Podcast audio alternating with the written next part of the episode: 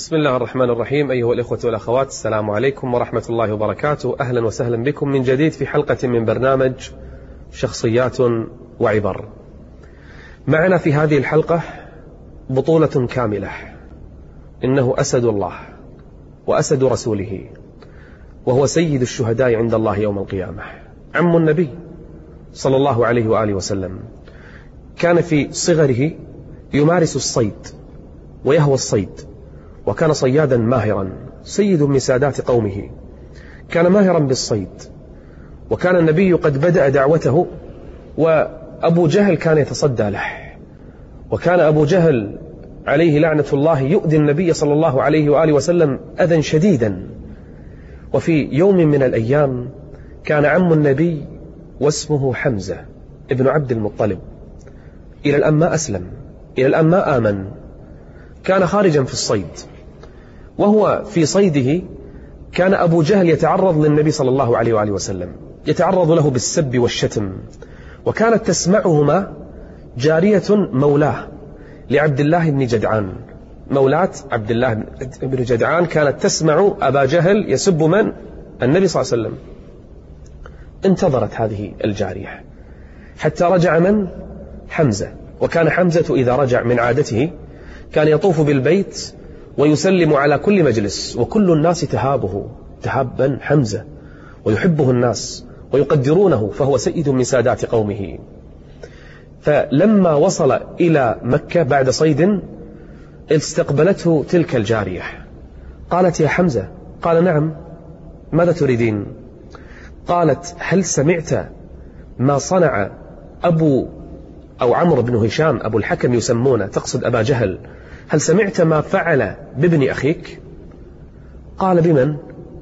قالت بمحمد. قال وما صنع؟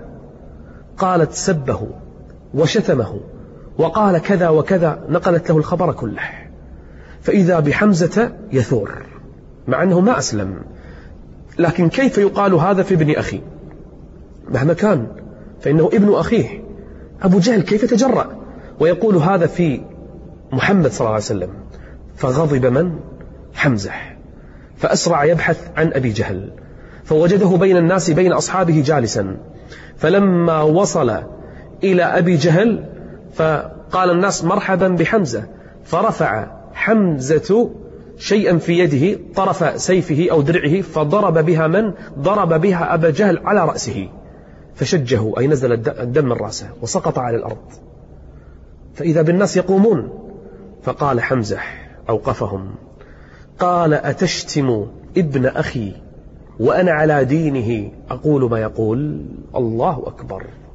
حمزة غضبا على ابن أخيه دخل في دينه. قال أتشتم ابن أخي وأنا على دينه؟ أقول بما يقول. فقام الناس يريدون ضربه. فقال أبو جهل دعوه. دعوه ولا يقترب منه أحد. لقد شتمت ابن أخيه. وكان صادق أبا جهل في هذه. قال لقد شتمت ابن أخيه. ثم هددهم حمزة أن يتعرض لابن أخيه أحد فذهب إلى النبي صلى الله عليه وآله وسلم يتعلم منه الدين ودخل في دين الله جل وعلا. هو الذي أرسل رسوله. شوفوا نصر الله لنبيه. هو الذي أرسل رسوله بالهدى. بالهدى ودين الحق ليظهره على الدين كله. ولو كره المشركون. هذا من؟ حمزة أسد الله وأسد رسوله لما أسلم. حمزة. ولما أسلم عمر بن الخطاب رضي الله عنهما. بعد كم يوم أسلم عمر؟ لما أسلم الاثنان عز أهل الإيمان وعز أهل الإسلام ونصر الله عز وجل دينه. حمزة لما هاجر مع رسوله. إلى مكة إلى المدينة شهد المشاهد كلها في حياته. فكان أول مشهد بدر.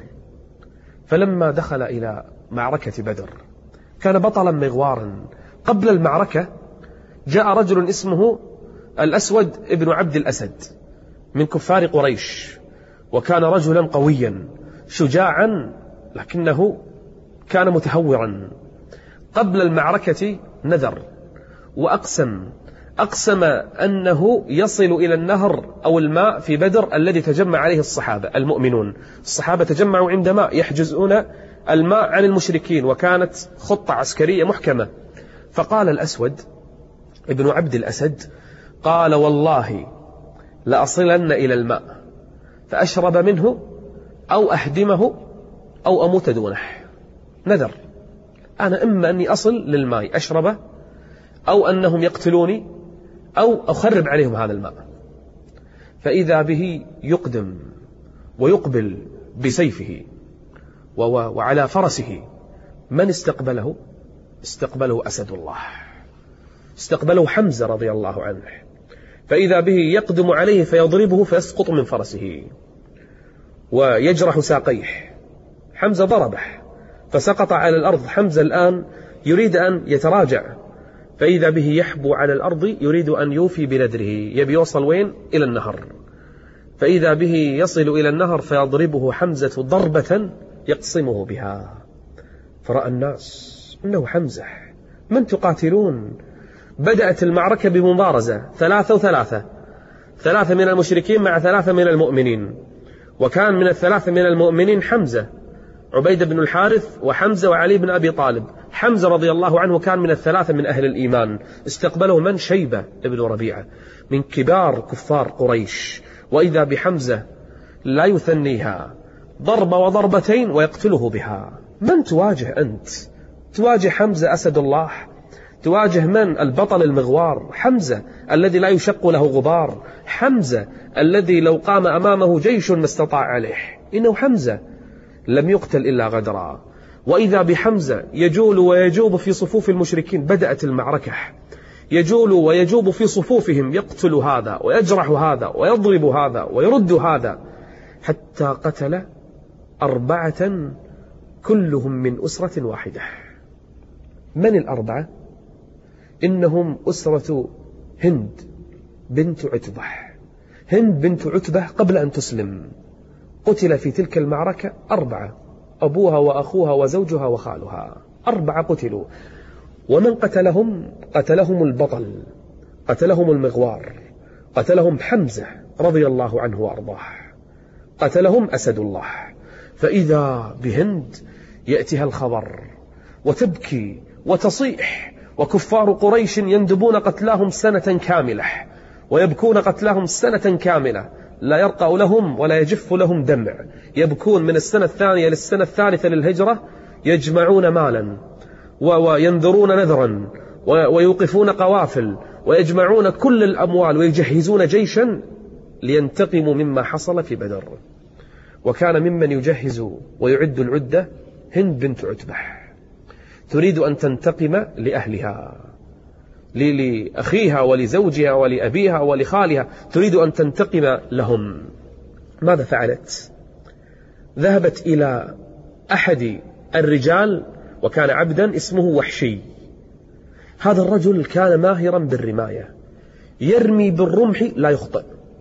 معروف في مكة إذا رمى برمحه شيئا ولو كان بعيدا لا يخطئه. من رمية واحدة يصيب الهدف. هذا الرجل كان شجاعا متمرسا في الرماية. جاءته هند. قالت له ما رأيك أن أحررك؟ وليس هذا فقط. وأعطيك من الذهب والفضة واللآلئ والجواهر وأعدته بأموال كثيرة ضخمة. قال كل هذا لي؟ قالت نعم. قال وما تطلبين؟ قالت شيئا واحدا. قال ما هو؟ قالت أن تقتل حمزة. فقط. لا شأن لك بالقتال. ما عليك بالمعركة. أنت فقط تقتل حمزة. قال لا بأس وبدأت معركة أحد. ويدخل البطل حمزة وتبدأ المعركة. ويحمل وطيس. وتشتد المعركة. ويرتفع الغبار. وحمزة يجول في المعركة. وحشي نفسه. كان يراقب حمزة من أول المعركة. ما دخل. من بعيد يراقب حمزة. يقول فكنت أراه. لا يدع أحدا إلا وصرعه. ولا يجابه أحدا إلا وقتله. يقول تعجبت. شنو هذا الرجل؟ بيده مو سيف واحد سيفين.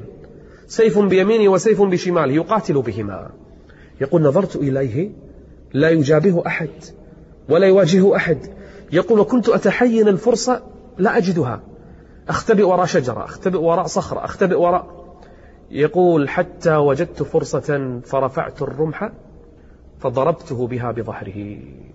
ما كان لأحد أن يقتل حمزة مواجها إلا غدرا. قتل حمزة. وجاءه وحشي ومثل بجسده قطعه وأخرج كبده ومثل بجثته. بعد المعركة رأى النبي عمه فدمعت عيناه وقد مثل بجسمه.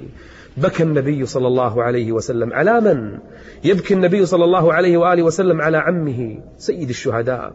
قال سيد الشهداء عند الله. يوم القيامة حمزة لما رجع إلى المدينة وجد النساء يبكين قتلاهم. قال لكن حمزة لا بواكي له لكن حمزة لا بواكي له.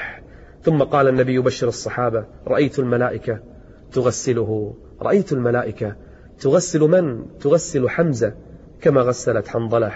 ولا تحسبن الذين قتلوا في سبيل الله أمواتا بل أحياء عند ربهم.